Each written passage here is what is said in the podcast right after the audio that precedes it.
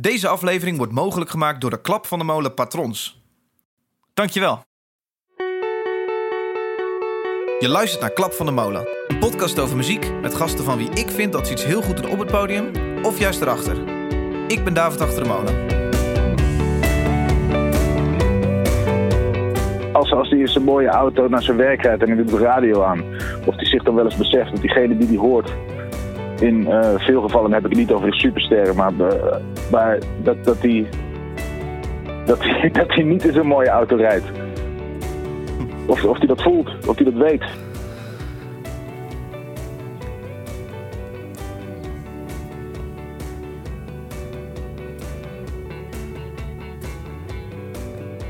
Begrijp je de vraag? Ja, ja, ja, natuurlijk begrijp ik de vraag. Ja.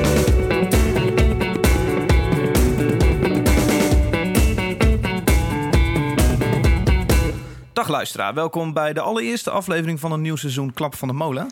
Eh, allereerst heb ik vorige week een award gewonnen voor beste muziekpodcast van Nederland. Ik kan me geen betere eh, manier bedenken om een nieuw seizoen te beginnen dan met zo'n award. Eh, dus mocht jij gestemd hebben op deze podcast, dankjewel. Het is super, super toffe erkenning om te krijgen als maker van een podcast. Ehm, Daarbij zijn er nieuwe patrons gekomen deze maand. Eh, Kyle, Ivo en Robert. En met Kyle, Ivo en Robert ehm, heb ik het doel behaald van 100 euro per maand verdienen. Eh, alleen door Patreon. Eh, 42 patrons steunen mij en doen dat. Eh, dus heb ik mijn doel van 100 euro per maand eh, eh, behaald. Waarbij hoort dat ehm, ik nu een live of een podcast ga doen met patrons. Dus mocht jij een van die 42 patrons zijn, laat me weten eh, als jij wil kletsen in deze podcast. eh, waarom jij wil kletsen en waarover jij wil kletsen. Eh, dan kies ik er drie uit om een podcast mee op te gaan nemen. Een nul doel heb ik gesteld op eh, 350 euro per maand. Want ja, op een gegeven moment wil ik hier natuurlijk van gaan leven. En als ik die 350 euro per maand behaal, dan komen er gefilmde versies van deze podcast op YouTube. Dus mocht jij dit tof vinden, mocht jij iets terug willen doen voor deze podcast, voel je totaal niet verplicht. Maar dan kan je dat doen op patreon.com slash klap van de molen. En er horen dan dingen bij als eh, jij hoort deze podcast als eerst. eh, jouw vragen gaan hoe dan ook behandeld worden in een podcast. Nou ja, dat. Patreon.com slash klap van de molen. Voor deze podcast, de allereerste van het seizoen, ehm, ben ik naar Hoofddorp gegaan. Dat is namelijk het hoofdkantoor van Buma Stemra.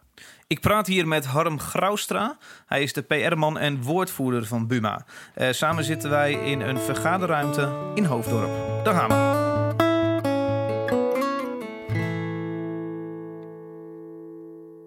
Ik denk wat ik vandaag vooral wil doen is mensen een beeld geven. Wat doet de Buma?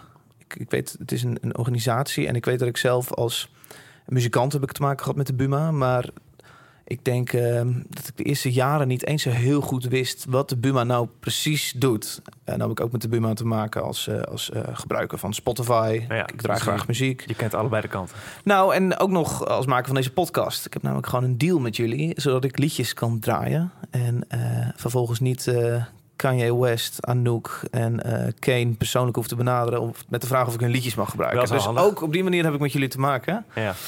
Ehm, stel je even heel snel voor, wat, wie, wie ben je, wat doe je? Ik ben Harm Graustra en Mhm. ik doe bij Boem- Buma nu eh, alle PR en ik ben woordvoerder. Dus vandaar ook dat ik hier nu eh, met jou zit. Is het een leuke taak, woordvoerder van de Buma? Eh, het is een, ja, ik vind het een heel erg leuke taak. Zeker om wat jij ook zegt, er is heel veel onduidelijkheid over Buma. En ja, soms heb je het wel eens dat, je, dat dingen uitgelegd worden, maar dan wordt het er eigenlijk alleen nog maar onduidelijker. Ja. Dus eh, ik vind het wel een nobele taak om gewoon uit te vinden hoe kan ik het zo verwoorden dat mensen aan het eind van het verhaal denken: Ja, precies. dit is wat Buma doet. Precies, want dat lijkt me een uitdaging. Zou jij, wat, als je op een feestje wordt gevraagd, waar werk je? En dan zeg je Buma Stemra. En dan zeggen ze, wat? Wat is dat? Hoe leg je dan in een paar zinnen uit, dit is wat Buma Stemra doet? Nou, de meeste mensen weten natuurlijk wel, die kennen de naam Buma Stemra wel. Eh, of ze zijn liedjeschrijvers, of ze moesten een keer eh, betalen omdat ze muziek gebruikt hebben, of ze hebben een keer wat in de krant gelezen of wat nou, ik ook. denk dat het gros van de mensen niet eh, de Buma kent... of eh, er nog nooit mee te maken heeft gehad. Omdat zij, als je, als je bij Spotify een account maakt... dan hoef je niet contact te hebben met de Buma. Nee, daar heb je gelijk in inderdaad. Misschien komt het ook wel gewoon door de mensen met wie ik omga. Maar goed, je staat op het feestje, Nou ja, je staat het uit Hoe te dan ook, leggen. inderdaad. nou, ja, het is eigenlijk heel erg simpel. Zeg, je hebt 25.000 mensen in Nederland die schrijven liedjes. 25.000, ja. Ja, ongeveer. Mhm. En die liedjes worden gedraaid op de radio, die liedjes worden gedraaid op Spotify. Er zijn mensen die de liedjes live gaan spelen. Ja. En jij kunt dat niet in je eentje allemaal in de gaten houden. dan heb je daar eh, meer dan een dagtaak aan. Zeker is gewoon Ik als onmogelijk. artiest. Precies. Ja, ja. Ja, maar er wordt wel geld verdiend met die liedjes van jou. Mhm. Dus ze hebben al die liedjes samen gezegd... weet je wat we doen? We verenigen ons Uh-huh. in een vereniging. Die vereniging is Buma. Mhm. En we laten die vereniging voor ons uitzoeken...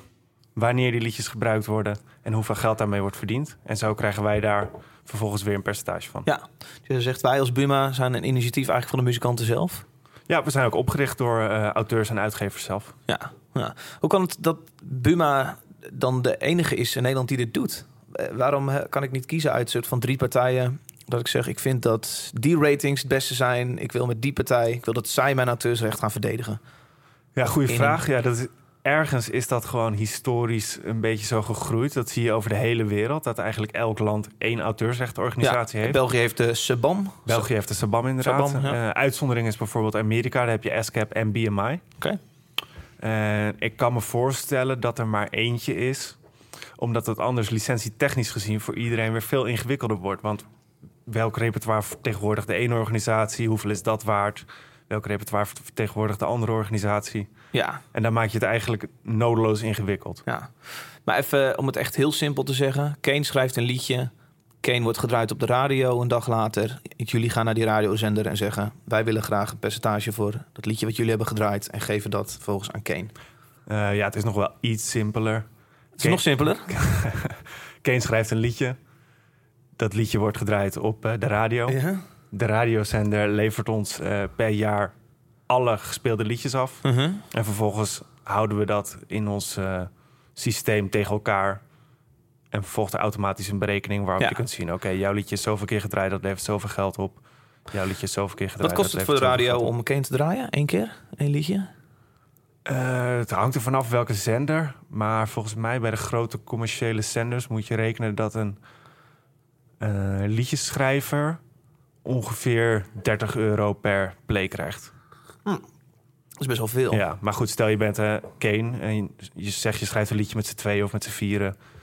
Dan wordt het dus eh, wat minder. Ja, dan moet je dat verdelen. Die 30 euro Ja, onder dus de, het is de bandleden. Gunstiger in die zin om gewoon een eh, singer-songwriter à la Ed Sheeran te zijn. Ja, precies. Hou je meer auteursrecht over. Ja. En dan zeg jij, er lopen hier 150 man ongeveer op kantoor? Ja. Hoeveel afdelingen zijn er? Hoeveel afdelingen er zijn? Ik denk een stuk of twaalf uit mijn hoofd. Ja. Maar eigenlijk de belangrijkste, eh, daar zijn we net wel eh, voorbij gelopen. Hè? Je hebt dus eh, de afdelingen die licenties afsluiten. Ja. Dat is al online, radio, tv, events. En dan heb je nog mechanisch uit mijn hoofd. Ja. Dan hebben we aan de andere kant dus ledenservice. Mensen die vragen van leden beantwoorden. We hebben mensen die commentaren van leden beantwoorden. Dus die bijvoorbeeld te weinig geld gekregen hebben. Ja. En dan heb je nog eh, eh, allerlei stafafdelingen. Communicatie waar ik zit. eh, finance hebben we nog. Juridische zaken. Ja.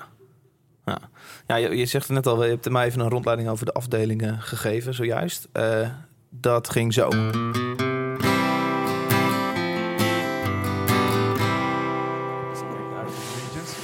Ja, wacht heel even. Ik moet het even uitleggen voor de luisteraar. We staan hier nu bij de receptie in Hoofddorp. Hier heb jij mij net opgehaald. Ja. Oh ja, ze hebben maar het pand in. Ja, rechts en links. Daar hebben we dus eigenlijk niet zo heel veel te zoeken. Oké, ja. Dus laten we naar boven gaan. Dan komen we eerst langs het restaurant. Ja. Er wordt ook verbouwd, eh, hoor ik. Ja, gebruik de sleutel om eh, deze deur open te doen. Is het allemaal haarfijn beveiligd? Nou, eh, alle Buma-delen zijn wel beveiligd. Hè? Wat je net ook zegt, er lopen hier ook andere mensen rond. Ja, precies. Het is niet de bedoeling dat iedereen zomaar Nee. overal de kast in kan duiken. Hey, een kantine? Ja, Fris en fruitig staat er boven de toonbank. Ja, hij is niet zo heel erg lang open. Elke dag volgens mij van half twaalf tot half twee. Oké. Maar je hebt hier ook, eh, als we iets verder lopen, Ja? heb je nog een paar zitplekken. Oké. Mensen kijken ons gek aan. Komt dat door de microfoon, denk je? Dat zou zomaar kunnen. nee, hier is eigenlijk niet zo heel erg veel. Maar kijk, hier hebben we nog drie vergaderruimtes. Oh ja. Je ziet hier bijvoorbeeld van die, eh, hoe noem je dit soort tafeltjes? Beetje Kleine cubes van die kleine zitplekjes, cubes inderdaad. ja. werkplekjes. Er zitten om 12 uur mensen te lunchen en nu zijn het gewoon plekken waar mensen heen lopen om te werken. Hoeveel vergaderruimtes zijn hier? Ik denk dat we in totaal zo'n acht of tien vergaderruimtes hebben. Oké, ja, check. En die zijn ook altijd vol geboekt, of valt het mij? Dat valt de laatste tijd heel erg mee inderdaad. Ja, eigenlijk toen we in het oude pand zaten, toen ik eh, net begon bij Buma, een jaar of eh, drieënhalf geleden, was er nog best wel een vergadercultuur soms. Hè? Altijd ruimtes vol, altijd lange meetings. Oké. En je merkt eigenlijk de afgelopen twee jaar, sinds ook eh, Wim directeur is geworden, Sorry, sinds? sinds Wim van Lim directeur precies, is geworden, is de cultuur ook wel echt aan het veranderen. Alright. Nou ja, dat zie je dan bijvoorbeeld onder meer terug in eh, vergaderruimtes die gelukkig niet altijd meer vol zitten. Nee. Dan zijn we nu op de tweede aangekomen. Dit is eigenlijk wat we noemen een ankerpunt. Oké. Dus gewoon een plek waar mensen bij elkaar kunnen komen. Ja, ik zie een gezellig groen vloerbedekking, houten blokken. Mensen moeten hier een beetje chill kunnen ontmoeten. Precies. Ja, dit is dan de tweede. Die heeft als thema festival. Vandaar ook dat groene, een beetje gras. Zie eh, een container. Vrolijk zonnig. Er ligt een gitaartje daar waar mensen nog wel regelmatig op spelen. Spelen Buma-medewerkers op die gitaar? Buma-medewerkers zijn best wel muzikaal. Oké. We hebben Ja. zelfs gisteren, of gisteren of eergisteren, je ziet daar ook een eh, DJ-set staan. Ja? Heeft een van de medewerkers van Ledenservice een cursus eh, of een DJ-workshop gegeven. Aha. Dus eh, muzikaliteit genoeg. Oké. Nou ja, dat had ik niet verwacht. Ja, nu staat dan de muziek ook toevallig uit, maar er staat wel vaak iemand bij die set gewoon eh, Casual plaatjes te casual draaien. plaatjes te draaien inderdaad. Een beetje Silicon Valley hier, man, het anker. Ja, bijna wel hè. Had je misschien niet achter Buma gezocht. Nee, hippe lampen. Ja. Alright. We kunnen nog heel even, als je hier omheen loopt. Ja? Zoals een bord, een digitaal bord met de treintijden.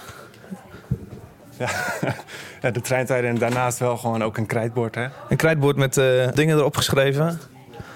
Blijf intranet checken, smiley. Eh, even kijken, actiepunt dan. Eh, eh, pak, ik weet niet wat het is. DJ-workshop in de tweede ja, etage. Pak is dan de personeelsactiviteitencommissie. Ah, kijk. Zeg maar gewoon de Die feestcommissie. hebben we allemaal. Ja. Precies, dus die hebben bijvoorbeeld gisteren nog een survival door de polder geregeld. Oké. En Buma Fit Check zie ik eronder staan. Ja, Buma Fit is een initiatief bij PNO vandaan. Oké. En dat betekent bijvoorbeeld dat je hier nu die fruitmanden hebt staan. En vorig jaar hebben we bootcamps gedaan eh, Ja. om het eh, ziekteverzuim een beetje terug te Als je bij. Buma werkt, is een goede kans dat je fitter wordt. Nou, ik weet niet of het zo één op één de loopt. bedoeling. Maar je krijgt in ieder geval wel de kansen. Ja. Alright, mooi.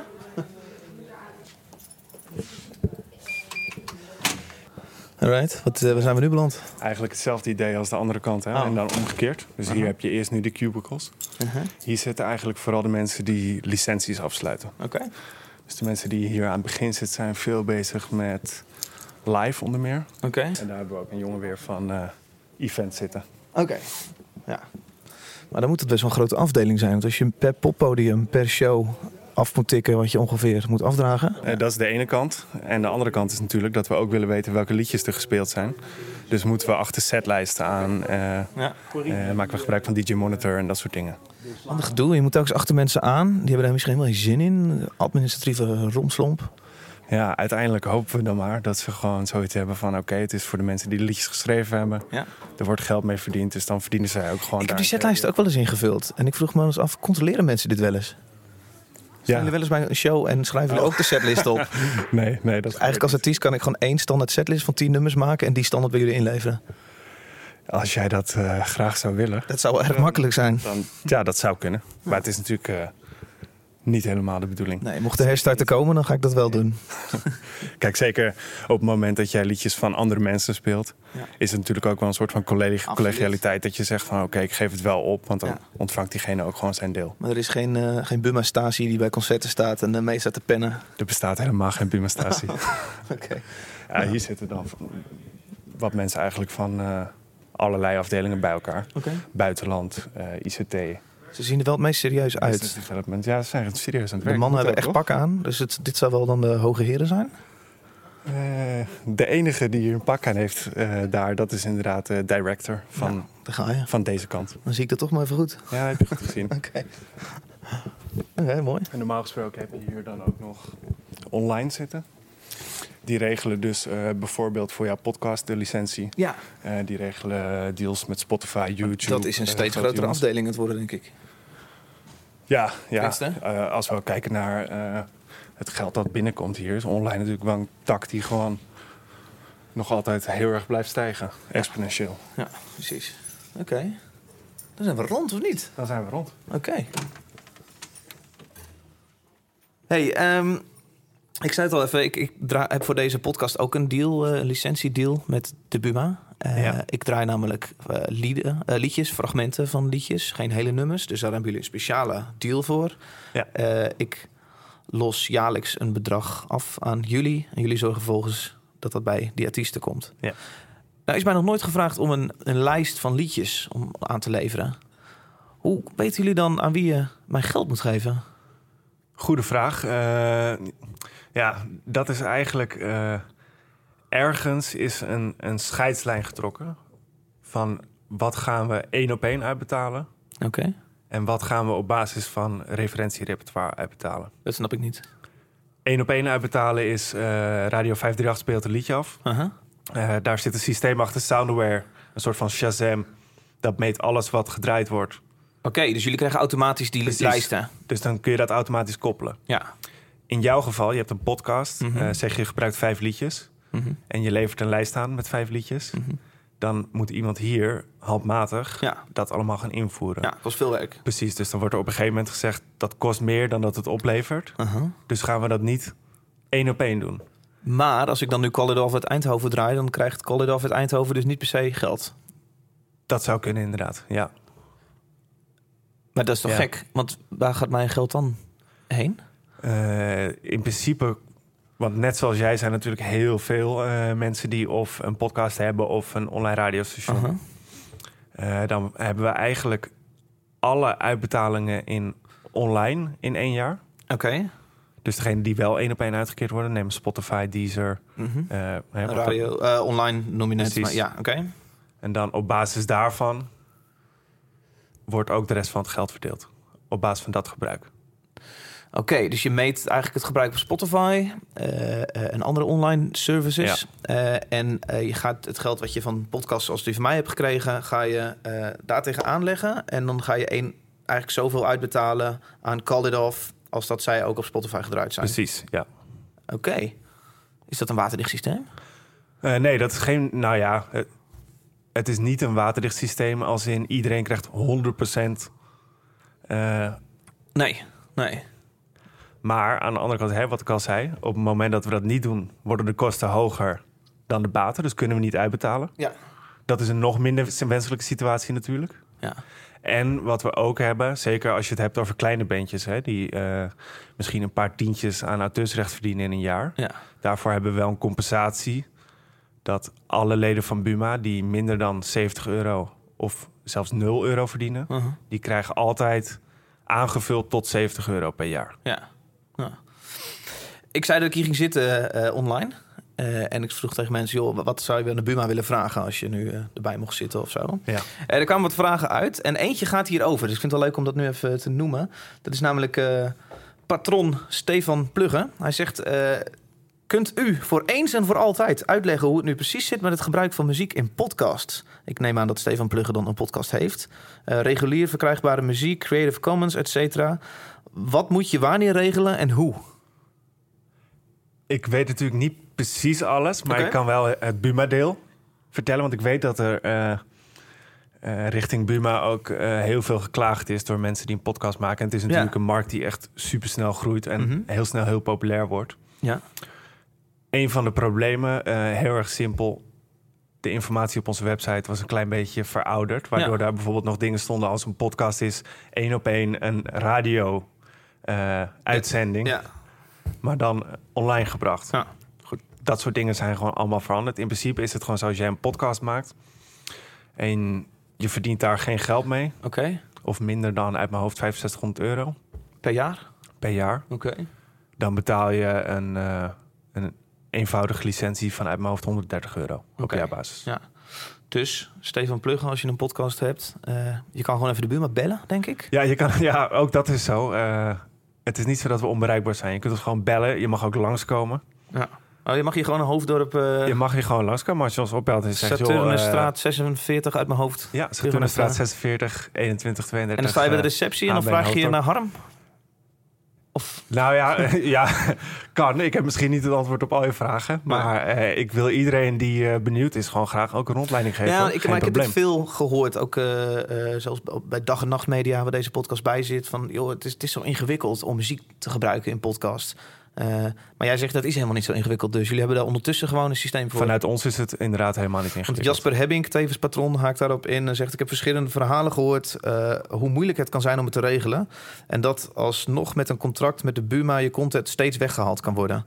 Dus ik denk dat hij bedoelt: ik heb, als je eenmaal een contract hebt met de Buma, um, zet je muziek op een gegeven moment op Soundcloud en gaat Soundcloud nog steeds de boel verwijderen. Ja, dan zou het misschien kunnen dat Soundcloud in dispuut is met het platenlabel of met de uitgever van die artiest. Want het is maar niet in zo principe dat, zitten jullie daartussen. Uh, nou, niet met de platenlabel natuurlijk, hè, want dat is de masterkant. Oké. Okay. Misschien moet je dat even uitleggen. Uh, ja, je hebt eigenlijk, als je een liedje hebt, heb je twee soorten recht. Masterrecht en auteursrecht. Ja.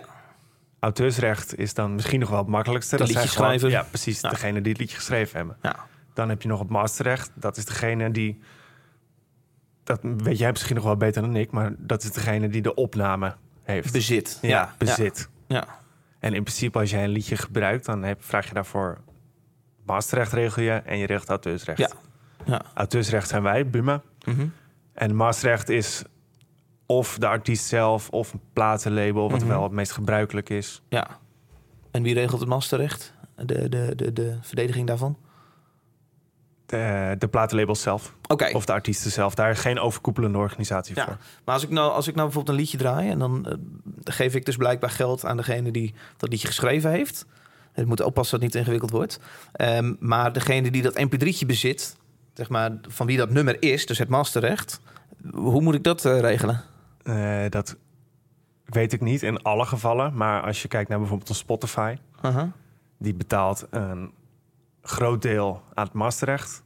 en een deel aan het auteursrecht. Ja, Dus zij hebben zelf gewoon overeenkomsten met eh, Sony, Universal, Warner, et cetera.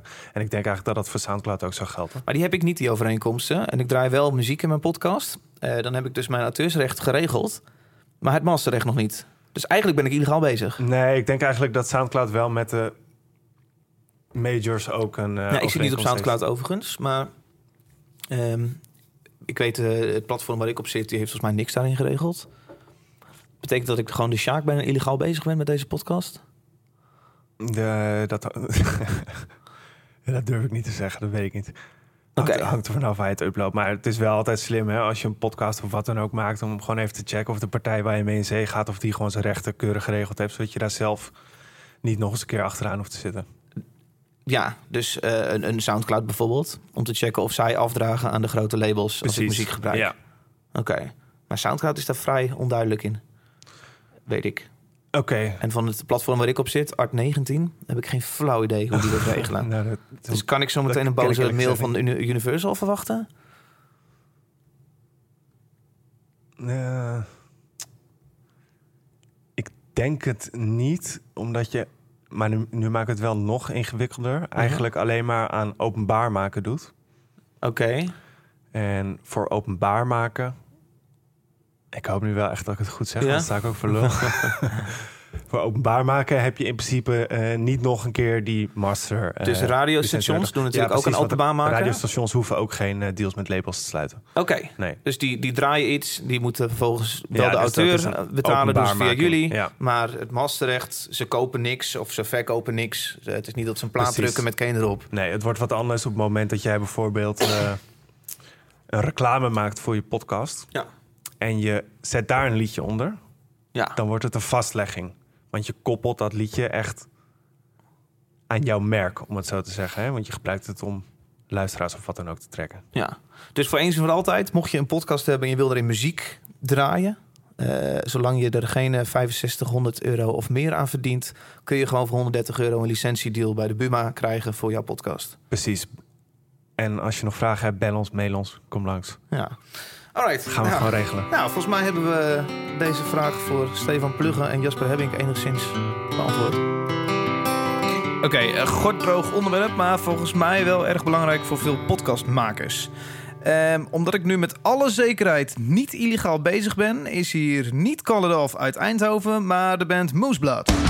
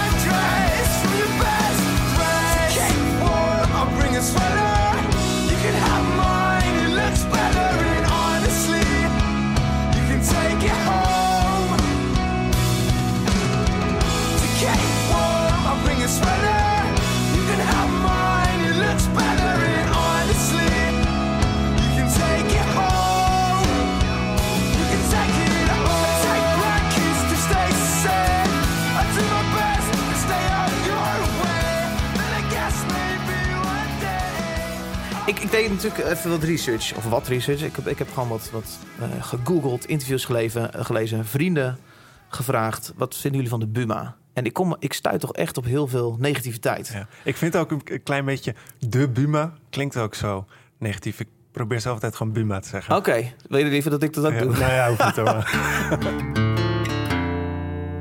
De Buma, of Buma, is een beetje de partij die iedereen geweldig vindt om te haten. Ehm, maar dat vind ik een beetje makkelijk soms. En sowieso zie ik dat heel veel bij commerciële partijen in de creatieve industrie. Het is super eenvoudig om daarover te gaan zeiken of daar een beetje in mee te gaan. Het is ook wel lekker. Een beetje als ouders op een schoolplein lopen zeiken over de leerkrachten. En in research voor deze podcast zag ik dus ook best wel veel mensen heel boos zijn gewoon. Eh, zelfs nog op de podcast award vorige week vroeg ik iemand... wat vind je van de Buma? Toen kreeg je een hele preek hoe kut de Buma is. Maar toen ik vroeg, joh, word eens concreet dan... kwam er niet zo heel erg een concreet ding wat ik dan kan vragen. Van, ik ben boos om deze reden. Het is meer een beetje gewoon die zwijnen van... en dat soort, dat soort dingen uitspraken. Ik besloot om eens op Twitter te gaan kijken op de hashtag Buma Stemra... eh, om een boze twitteraar een stem te kunnen geven. Ik stuitte op een tweet van een acteur eh, onder de naam Cornel Evers... ehm, die nogal boos zich uitte over Buma.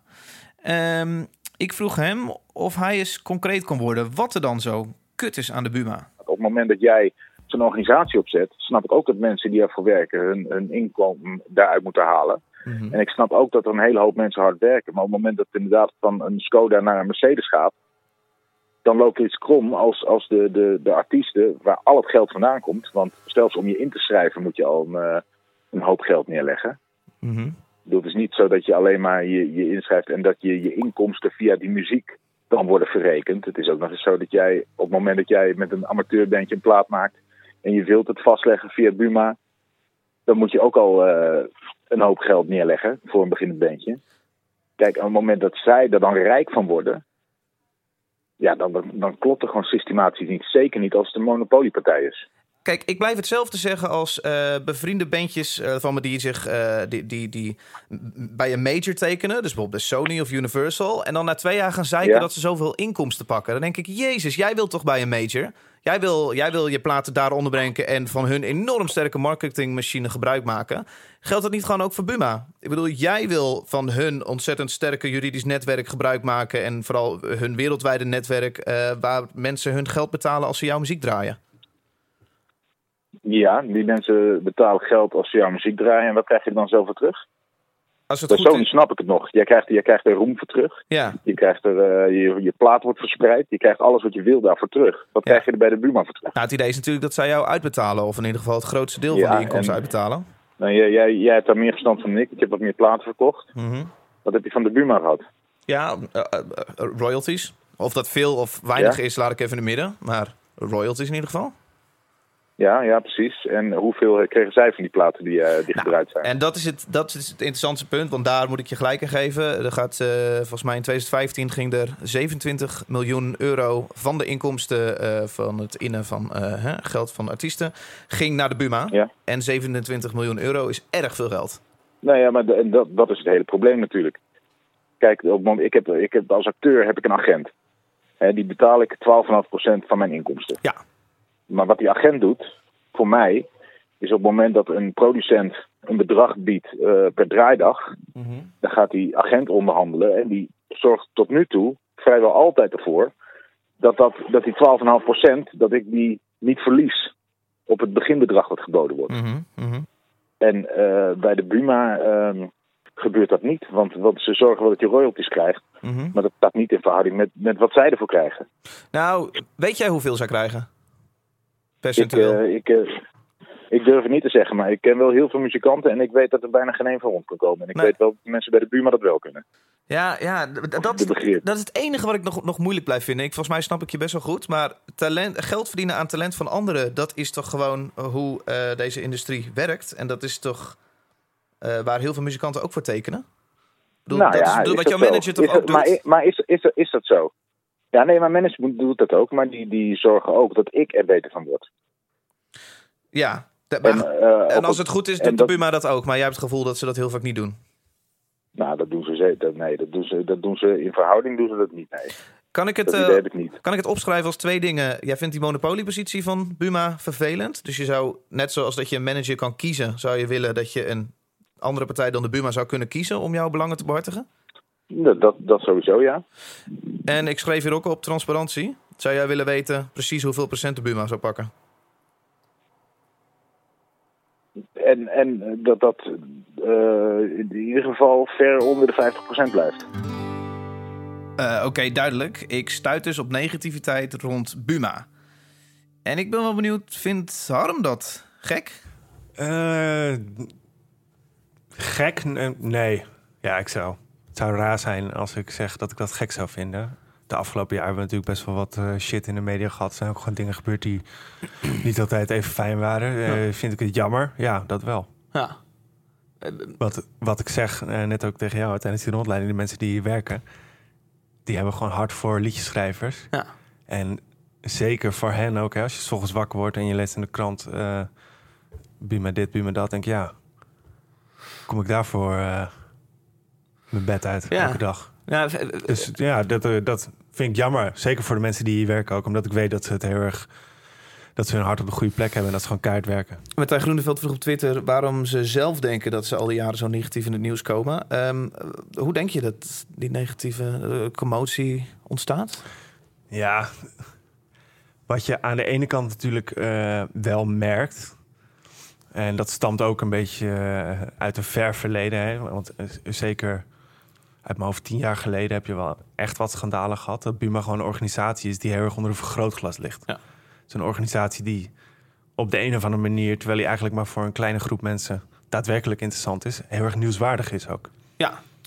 En dat draagt er misschien aan bij dat Buma wat vaker in het nieuws is dan Weet je, de club die graag gehaat wordt. ja, Oké. dat, dat, dat is het wel een beetje soms, Mhm. heb ik het idee. Mhm.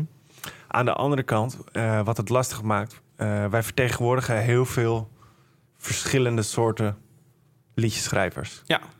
Slagerzangers, Ja, en dan ook nog uitgevers natuurlijk. metal, Dus- punk, artiesten. Dus we hebben aan de ene kant de uitgevers en liedjeschrijvers... die in Mhm. principe hetzelfde willen, hè? geld Mhm. verdienen met auteursrecht. Mhm. Maar onder die liedjeschrijvers hebben we DJ's, we hebben popmuzikanten, rockmuzikanten, klassieke muzikanten. eh, mensen die opdrachtmuziek schrijven voor films, eh, mensen die muziek schrijven voor series, mensen die reclame jingles schrijven. En je kunt je voorstellen, die mensen hebben niet altijd hetzelfde belang. Want jij hoort bij een bepaalde club en je wilt dat alles voor die club zo goed mogelijk geregeld is. Er is toch maar één belang. Dat is dat een artiest gewoon geld krijgt voor zijn liedjes. Nee, maar om een eh, voorbeeld te noemen. Als je kijkt naar eh, producers, Mhm. die hebben te maken met gewoon een heel erg levendig live circuit. Ja. En voor ons is het ideaal als we op elke plek in Nederland waar DJ-sets gedraaid worden, een DJ-monitor kastje ophangen. Oké. Want alle muziek die dan gedraaid wordt, kunnen we één op één uitbetalen. Ja. Van de, de, de ticketverkoop van die avond bijvoorbeeld. Precies. Ja, oké. Maar eh, voor, eh, wat was die band die jij net noemde? Kane? Oh, Call It Off uit ja, Eindhoven. Call It Off. Ja. Voor Call It Off uit Eindhoven zou het veel beter zijn als podcast één op één uitgekeerd moeten worden. Bijvoorbeeld, ja. Precies. En wat moet Buma vervolgens doen? Nadenken, wat is voor het collectief het beste? Nou, ik vind de, de, de grootste misschien wel een goed, eh, goede graadmeter. Je zegt eh, misschien beginnen bij de discoavond inderdaad. Goed, ja. Maar goed, je hebt dus 25.000 leden. En de een denkt, eh, waarom regelen jullie dit niet beter? De ander denkt, waarom regelen jullie dat niet beter? Ja. En wij proberen het beste te doen voor iedereen gezamenlijk Mhm. uiteindelijk. Mhm. En dan eh, ontstaat daar soms wel eens wat wrijving met mensen die zich benadeeld voelen. En in het ergste geval, ja, daar ook nog over weer. eh, laat ik het anders zeggen, om daar bijvoorbeeld mee naar de media te stappen. Eh, maar nu, klinkt het een beetje alsof het probleem dan bij een paar artiesten liggen die tegenstrijdige belangen hebben. Het ligt natuurlijk ook bij een, een oude directeur die, eh, die 4,5 ton verdiende, eh, ruim boven de balken en de norm zat en eh, daaronder niet genoeg nam. Dat heeft zeker niet meegeholpen. Dan maak je geen vriendjes mee onder eh broodarme muzikanten. Nee, daar maak je geen vrienden mee inderdaad. Nee. Ik ben wel blij dat we, toen dat helemaal is afgelopen... Hè, is wel gezegd van oké, een Buma-bestuurder mag niet meer dan de WNT-norm verdienen. Ja. Dus daar zijn we in die zin vanaf. Maar ja, ik snap het, ik snap het heel goed. Dat zeker eh, liedjeschrijvers die misschien eh, een paar honderd euro per maand eh, aan auteursrechten verdienen... En vervolgens lezen dat de directeur van Buma vijf ton verdient, denken ja, dat vind ik niet eerlijk. Nee. Nou En- ja, nog steeds. Kijk, je zit nou mooi met de balken en de norm. 187.000 euro per jaar verdienen. Ik vind het nog steeds ongelooflijk veel geld. Waarom moet zo'n bestuurder, Wim van Limt is zijn naam, waarom moet hij zo duur zijn? Het is nat- natuurlijk wel een baan met eh, heel veel verantwoordelijkheden. Mhm. Eh, hij is verantwoordelijk voor eh, miljoenen deals met de grote streamingdiensten. Ja. En als je kijkt naar de omzet van Buma, die zo'n 202 miljoen euro is. En over het algemeen toch wel meer dan een miljoen euro per jaar stijgt. Dan kun je denk ik wel zeggen, oké, eh 187.000 is veel geld. Tuurlijk, dat is zo. Maar voor iemand in die functie, eh, iemand die verantwoordelijk is voor dat soort bedragen, iemand die daar natuurlijk ontzettend hard voor werkt, kun je zeggen op een gegeven moment, oké, dat vinden wij als organisatie een gepaste beloning. En Ja. ik, wat ik daar op zich nog wel aan vast wil hangen is... uiteindelijk zijn het de leden van Buma, dus de liedjeschrijvers... die bepalen wat hier gebeurt. Dus op het Maar moment... dat is, dat, is, dat is niet waar natuurlijk. Eh, ja, dat is wel waar. Welke, welke da- artiest heeft besloten dat eh, Wim van Liemt een eh, golfbaanabonnement moet hebben? Nou, Niet... Dat de jongens van Kensington, dus, hebben die dat eh, gezegd? niet op detailniveau natuurlijk. Nee, maar, Maar als op je detailniveau gaat het Een salaris van de, direct, van de directie moet goedgekeurd worden... door de Algemene Ledenvergadering. Ja. Dat is het hoogste orgaan eigenlijk van Buma, hè, de Algemene Ledenvergadering. Mhm. Eén keer per jaar eh, worden alle leden uitgenodigd om te praten over de jaarcijfers, om over andere ontwikkelingen te praten. Mensen kunnen vragen stellen. En eh, ja, dat is eigenlijk het hoogste orgaan. Er is niemand die dat kan overrulen. Ja, ik, ik zat even te, te zoeken op de heftigste tweets die gedaan werden over Buma Stemra. Ik denk, ik ga gewoon één zo iemand bellen van wie de heftigste tweet heeft gedaan over Buma. Oké. Eh, hou je vast. Het is Cornel Evers, een eh, tevens acteur. En die zegt, alles rondom die club stinkt. En dat allemaal door te verdienen aan het talent van andere mensen. Die daar zelf overigens hun huur vaak nog niet van kunnen betalen. Ehm, ik dacht, dat is, een, eh, dat is een heftige uitspraak. Alles rondom die club stinkt. Eh nou hoor ik wel meer heftige uitspraken over de Buma. Heel vaak zie ik dat mensen het niet echt concreet kunnen maken. van- Want het is een beetje een, een gevoel rond die club. Maar ik belde hem even en ik zei... Nou, als ik, ik zit vanmiddag met Harm van de Buma. Als je hem één vraag mag stellen, wat zou je hem dan vragen? Dit is wat hij vroeg. Als, als hij in zijn mooie auto naar zijn werk rijdt en hij doet de radio aan. Of hij zich dan wel eens beseft dat diegene die die hoort. In eh, veel gevallen heb ik het niet over de supersterren, maar, maar dat, dat hij. Dat hij, dat hij niet in zo'n mooie auto rijdt. Of, of hij dat voelt, of hij dat weet.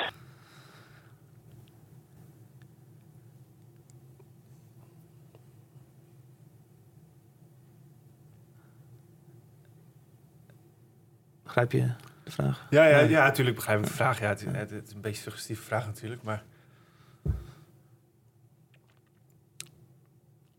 Eh, ja, eh goede vraag. Als het om mezelf gaat, kan ik simpel zijn. Ik kom namelijk niet eh, hier naartoe met de auto, dat kan ik niet betalen.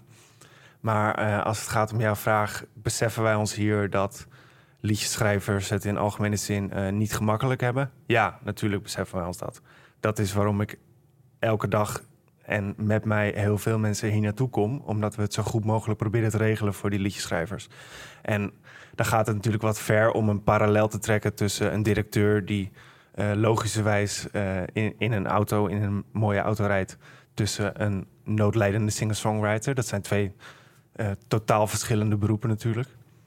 Maar eh, het is zeker niet zo dat men hier naartoe komt met het idee... eh, laten wij eens over de rug van al die liedjeschrijvers... eh, hier het onszelf gemakkelijk maken, lekker geld verdienen... en om vijf uur gaan we naar huis en hoeven wij nergens meer over na te denken. Terwijl er misschien mensen zijn die eh, moeten nadenken... of ze volgende week nog wel kunnen eten. Nee, dat is niet zo. Nee. Maar daarmee is niet de vraag beantwoord. Eh, directeur stapt de auto in, eh, zet de radio aan, hoort een liedje van een artiest. Wat voor gevoel geeft hem dat? Omdat met die wetenschap die je zojuist noemt. Hoe bedoel je, wat voor gevolg heeft dat? Wat voor gevoel geeft, geeft hem dat? Kan hij zichzelf dan in de spiegel nog aankijken met zo'n realisatie? Een hele mooie auto rijden. eh, met het verzamelen van eh auteursrecht geld van artiesten. Die daar vervolgens zelf dan heel klein, klein beetje van uitbetaald krijgen. Nee, dat is natuurlijk ook een eh, grote groep die gewoon serieus geld verdient met auteursrecht. Dat, maar goed, dat heeft Ik denk de grootste groep niet. De grootste groep niet, dat klopt Ik inderdaad. denk dat, dat Ja. ik best wel in een, eh, in een band gezeten die best wel fatsoenlijk deed in Nederland. Eh, ik heb nooit een vetpot ontvangen van de Buma. Nee. Maar... Het is eh, nooit mijn maar- inkomen geweest. Uiteindelijk het live spelen wel. Maar het gedraaid worden op Spotify of ik veel. Het is nooit mijn hoofdinkomen geweest. Dat is niet zielig. Ehm, maar het is wel, dat geeft mij wel een beetje een gek gevoel... als ik een parkeerplaats opdraai bij de Buma... en ik zie een Mercedes staan, een hele mooie. En daar zie ik een, een grote, goede, gezette man instappen. Dit is even het beeld wat ik, eh, wat ik natuurlijk schets. Snap je dat gevoel? Ja, ik snap dat gevoel wel, omdat er natuurlijk heel erg een kloof is. Maar aan de andere kant, Tussen? eh, kijk, in deze situatie... eh, Nou ja, er is een kloof tussen iemand die directeur is van een bedrijf... waar 150 mensen werken Mhm. met een omzet van 202 miljoen. Ja. Of een liedjeschrijver die amper op de radio gedraaid wordt... die moeite heeft om optredens te vinden. Ja. Hè, dat zijn, vind ik een beetje oneerlijk om die twee met elkaar te gaan vergelijken. Zal Wim eh, af en toe denken... Goh, eh, ik wou dat ik eh, nog meer kon doen voor die liedschrijvers die het moeilijk hebben. Ja, natuurlijk. Maar in de situatieschets zoals die nu geschetst wordt... zouden we eigenlijk toe moeten naar een organisatie... waar mensen vrijwillig werken. Mhm. Ik weet niet of dat realistisch is. Maar goed, dus het andere uiterste. Je hebt aan de ene kant het spectrum 5 ton eh, verdienen per jaar. En aan de andere kant heb je een groep vrijwilligers die auteursrecht inkomens verzamelt. Ehm, maar er zit natuurlijk iets tussen. En ik denk wat eh Corneel hier zegt, dat het vooral op een gegeven moment de vraag is. ehm, eh, nou, laat ik het golfbaanabonnement nemen. Eh, ik, ik las op de Volkskrant zelfs. Even kijken, wat las ik? Eh, eh, het golfabonnement is afgesloten omdat Buma Stemra in het verleden ook golfevenementen organiseerde. En er vanuit de markt een roep was dat weer te doen. denk ik, hè? Ik, ik wil gewoon geld voor mensen die mijn liedjes elders draaien. Jullie eh, schakel ik in om dat in te zamelen voor mij. Eh, Op welk punt is er een golfbaantoernooi nodig om dat te doen? Ja. ja, dit, is, dit speelde vorig jaar natuurlijk. Hè. Eh, is veel om te doen geweest. Ja, En terecht. ja, ja, jij zegt het. En de leden hebben dat ook gezegd.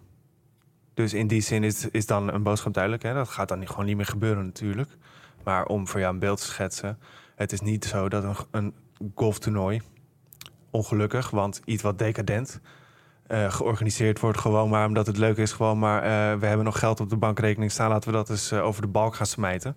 Dat wordt wel echt gebruikt om serieuze partijen in de muziekindustrie, dus klanten van ons, samen te brengen met liedjeschrijvers. Dat zal dan misschien niet een call it off zijn, maar een, Marco Bassato?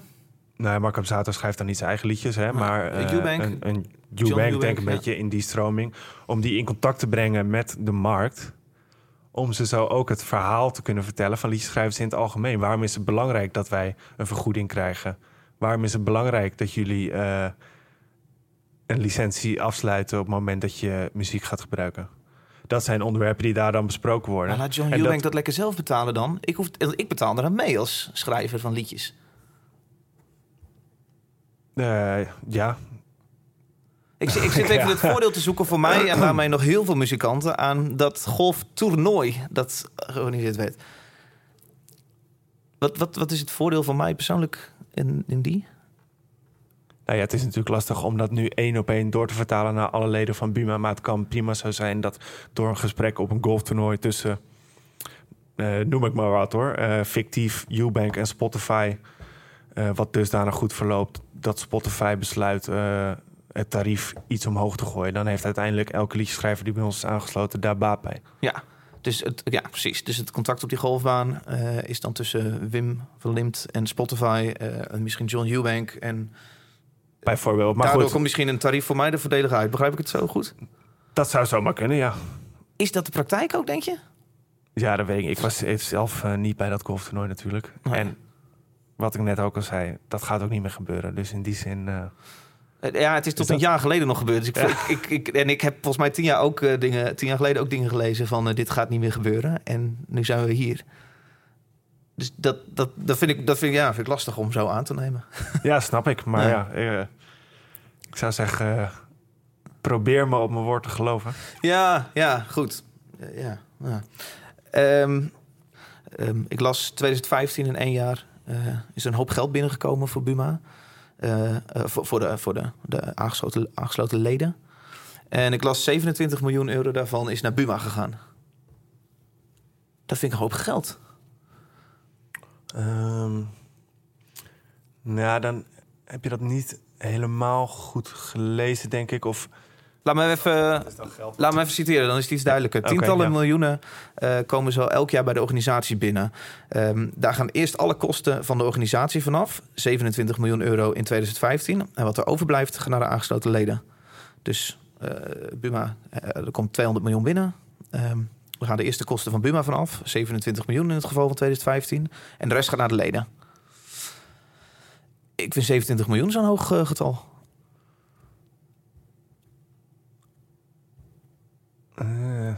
Ja. In- ja, interessant punt. Ik ben zo benieuwd waar dat, eh, waar dat allemaal heen is gegaan. Oké, dat ik 27 miljoen een gek bedrag vind, is gewoon een gut feeling. Maar omdat ik bij de edit van deze podcast nieuwsgierig begin te worden, heb ik de rekenmachine gepakt. Als we ervan uitgaan dat behalve de directeur 149 mensen rond de 3000 euro per maand verdienen, komen we op een bedrag van jaarlijks 5,3 miljoen euro. Eh, plus het loon van de directeur, als we van de balken en de norm van 187.000 euro uitgaan, komen we op 5,5 miljoen. Als de huur van het pand 5000 euro per maand is, eh, kom ik op een totaalbedrag van 5,6 miljoen euro per jaar. Als je gebouw en personeel vaak de hoogste kostenposten zijn, waar gaat dan die overige 21 miljoen heen? Eh, ICT-systemen. We moeten eh, rekenen, kijk, op het moment dat wij in een kwartaal Spotify uitkeren, krijg je een, een zak met geld. Mhm. En krijg je vervolgens eh, een bestand met eh, meer dan een miljard regels. Ja. Dat kost ontzettend veel eh, rekenkracht om vervolgens te gaan bepalen waar moet dat geld precies heen. Ik weet wel dat dat een van de grootste kostenposten is. ja. En Ik snap ook niet dat jij, ik snap ook dat jij niet zomaar nu een schemaatje hebt liggen, maar eh, ik wou toch zeker even dacht, wat een hoop geld is dat Ja. zeg. Ja. Nee, maar het is eh, niet zo, want ik, hey, ik snap dat het dan makkelijk is om de link te leggen. Hè, want je denkt al, een directeur verdient veel geld. Dan zal dat over de hele organisatie eh, wel zo zijn. Dat is in ieder geval. Nou ja. Ehm, een laatste vraag kwam van een, een Twitter-account genaamd Bang Your Radio. Ik eh, heb, het ook niet, eh, heb het ook niet bedacht. Ehm, die zegt, hoe kan dit? En dan eh, wordt er ge- verwezen naar een tweet van Henk Westbroek. En jij denkt nu, oh god, daar gaan we weer. Henk Westbroek werkte hier. Henk Westbroek was tot voor kort bestuurslid van Ja. Stemra. Ja. Want we hebben dus, hè, wat ik net zei, de algemene ledenvergadering is het hoogste orgaan. Ja. Daaronder zat tot voor kort een bestuur. Mhm. En dan komt directie. Eh, in het bestuur zitten dan ook eh liedjeschrijvers en uitgevers. Ja. En dat is nu een raad van toezicht geworden. Waaronder Henk Westbroek maar dat dus. bezijde. Henk Westbroek Ja. zat daarin inderdaad. Hij zegt, eh, hij refereert naar een tweet van Henk Westbroek. Ehm, eh, hij zegt, bizar dat er in... eh, bizar is dat een van de voor 350.000 euro ingehuurde onderzoekers... eh, naar wantoestanden binnen de Buma... de heer Jaap Winter zijn onderzoek verricht... terwijl hij tij- tegelijkertijd fietsend op wereldreis is. En als bewijs houdt hij dan een LinkedIn van de onderzoeker aan. Ehm, dat is wel interessant, maar misschien veel interessanter is eerst even uitleggen... wat, wat is dat onderzoek naar wantoestanden binnen de Buma? Is dat naar aanleiding van het Volkskrant-artikel? Eh, nee, het Volkskrant-artikel was naar aanleiding van een onderzoek. Mhm. Dat is uitgevoerd. En het is niet zo dat het CVTA per se een onderzoek doet naar eh wantoestanden. Ja. Eigenlijk eh, hebben wij op eigen initiatief en op basis van de klokkenrijdersregeling een onderzoek laten verrichten Ja. door twee partijen, BDO en Nauta. Ja, er was, er was een klokluider. Vervolgens hebben jullie Precies, onderzoek dat- laten nou doen. Hè, dat onderzoek eh, heeft plaatsgevonden. Vervolgens heeft het college van toezicht auteursrechten, dat toezicht houdt op Buma Stemra, Mhm. gezegd: oké, wij zien dit onderzoek, maar we vonden de scope niet breed genoeg. We zouden graag eens zien dat een en ander gewoon nog verder onderzocht wordt. Ja. Dus vervolgens het CFTA als toezichthouder kan ons opleggen nog een onderzoek te laten verrichten. Ja, dat, Dat is het- gebeurd. Dat is gebeurd en dat is het onderzoek dat nu plaatsvindt. Ja, hoe is het met het onderzoek? Ik begrijp dat de, de, de resultaten en presentatiedagen al een paar keer verschoven zijn. Ja, klopt inderdaad. Want eigenlijk zou het onderzoek eh, eind mei gepresenteerd worden. Dat is nog steeds niet gebeurd. En helemaal eerlijk, ik weet het niet wanneer het komt. Het kan elk moment komen. Ja. Ehm, en eh, wat Henk Westbroek dus hierover zegt... hoe kan het dat de onderzoeker, de heer Jaap Winter... tijdens zijn onderzoek eh, maanden weg is? Op vakantie. Ja, dit is een goede vraag. Dat is eh, meer denk ik iets om aan eh, Jaap de Winter zelf eh, te vragen. Nou, jij bent de communicatiepersoon van de partij die Jaap de Winter inhuurt voor 350.000 euro. Dus ik hoopte dat jij het mij kon vertellen.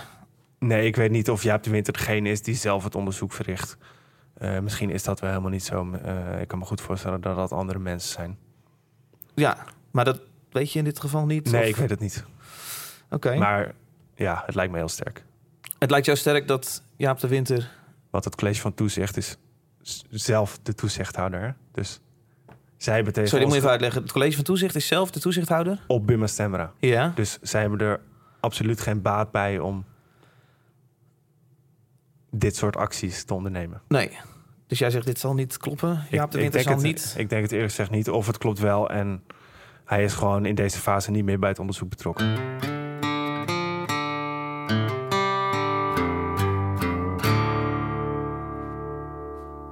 Eh, eh, la- laatste punt waar ik, waar ik benieuwd naar ben is... ehm, een artiest krijgt natuurlijk geld van eh, een play op Spotify bijvoorbeeld. Eh, hoe wordt bepaald eh, hoeveel een artiest daarvoor krijgt? Een, eh, een, een ehm, eh, schrijver van een nummer. Dat wordt eigenlijk bepaald door hoeveel mensen in een maand van Spotify gebruik maken Mhm. en hoeveel liedjes ze met z'n allen luisteren. Ah. Zeg, duizend mensen hebben een abonnement op Spotify. Mhm. Die betalen allemaal 10 euro. En ze luisteren allemaal één liedje Ja. die maand. Ja. Dan heb je dus duizend verschillende liedjes Ja. die 10 euro krijgen. Ja. Maar op het moment dat die duizend mensen allemaal eh 2000 liedjes luisteren, wordt die vergoeding per stream een stuk lager. Ja. Dus wat er eigenlijk gebeurt is één keer per, uit mijn hoofd, eh, kwartaal Mhm. levert Spotify een bestand aan met alle afgespeelde nummers in Nederland. Een fix bestand. Een heel fix bestand. Ja. Ja, wat ik zeg, hè, dat zijn die bestanden van eh, miljarden regels. Ja, ik, ik krijg ze binnen eh, elk kwartaal inderdaad. Ja, Ja. en v- ja je ziet ze op je specificaties Ja, waarschijnlijk. ik krijg ze netjes doorgestuurd. Ja. En vervolgens eh, staat daar ook een eh, geldbedrag tegenover.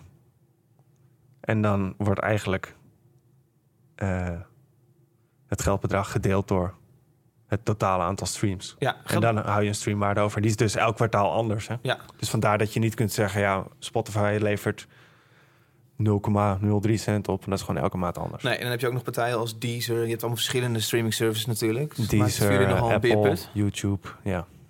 Hoe, hoe werkt het met YouTube? Is, is dat weer anders? Omdat daar advertenties eh, aan vooraf altijd gaan?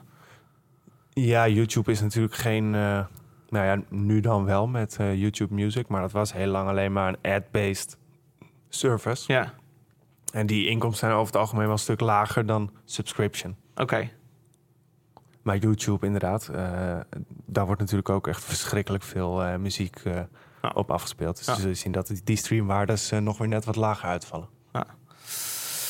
Duidelijk man, eh, dankjewel. Voor echt een, een, een lekkere rondleiding en een gesprek en de koffie. Eh, is er zelf nog iets wat je wilt toevoegen? Dat je denkt, ah, maar dat, dat wil ik echt even besproken hebben.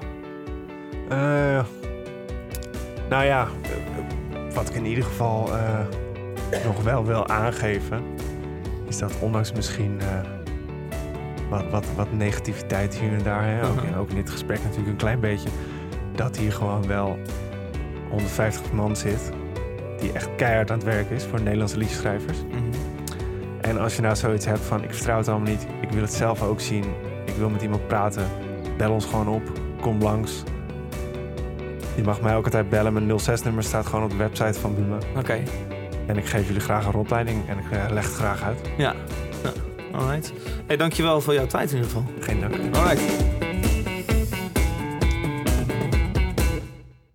Vond je dit een toffe aflevering? Post er dan vooral over op social media. Daar hoop je mij het meeste mee. Klap van de Molen is te volgen op Facebook en op Instagram, waar ik per aflevering erg druk ben met Instagram Stories, om iedereen te vertellen dat er nu echt weer een leuke aflevering klaar staat. Mocht je Twitter meer gebruiken, kun je mij @davidadmolen het beste persoonlijk volgen om op de hoogte te zijn en om Twittervragen in te dienen voor een gast. Laat vooral ook even een toffe review achter voor deze podcast in je app. Er is voor makers niks zo leuk als een goede review lezen over hun harde werk. Ik zie je over twee weken.